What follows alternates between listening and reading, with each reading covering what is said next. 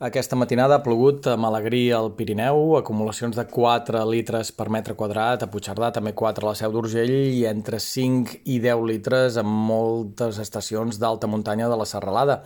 Aviat deixarà de ploure al Pirineu, durant el matí s'escaparan alguns ruixats de caràcter aïllat a l'entorn dels ports, però en conjunt la primera meitat d'aquest dijous la passarem amb més sol que núvols. A la tarda, en canvi, els núvols ràpidament aniran a més, les nuvolades creixeran amb força en punts de muntanya i els xàfecs sobtats i les les tempestes podran regar pràcticament qualsevol punt del país. Seran menys intenses, eh, menys probables en punts del sud del Pla de Lleida, de la Costa Daurada i en canvi cap a la Catalunya central, Pirineu, comarques interiors de Girona, els xàfecs podran ser molt intensos, acumular 10, 15, 20 litres per metre quadrat en pocs minuts i sumar-ne més de 40 o 50 al final de la jornada. Localment, aquestes tempestes aniran acompanyades de calamars o pedra i de fortes ventades gelades i tot plegat amb temperatures que variaran poc respecte a les d'ahir. La matinada encara ha sigut especialment xafogosa a prop de mar i al migdia sí que notarem que el mercuri recula lleugerament en algunes comarques interiors, però en tot cas el descens tèrmic més sobtat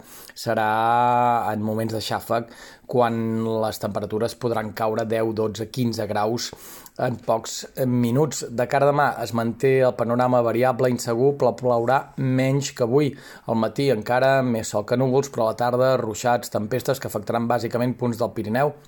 de la Catalunya central, de l'interior de les comarques de Girona i cap al tard podrien arribar també aquests ruixats en punts del sud de la Costa Brava o nord de la costa central. Demà les temperatures regularan un parell de graus més, serà la jornada més agradable, més fresca d'aquest tram final del mes d'agost. De cara al cap de setmana els ruixats perden protagonisme, el sol s'anirà imposant i les temperatures es tornaran a recuperar progressivament.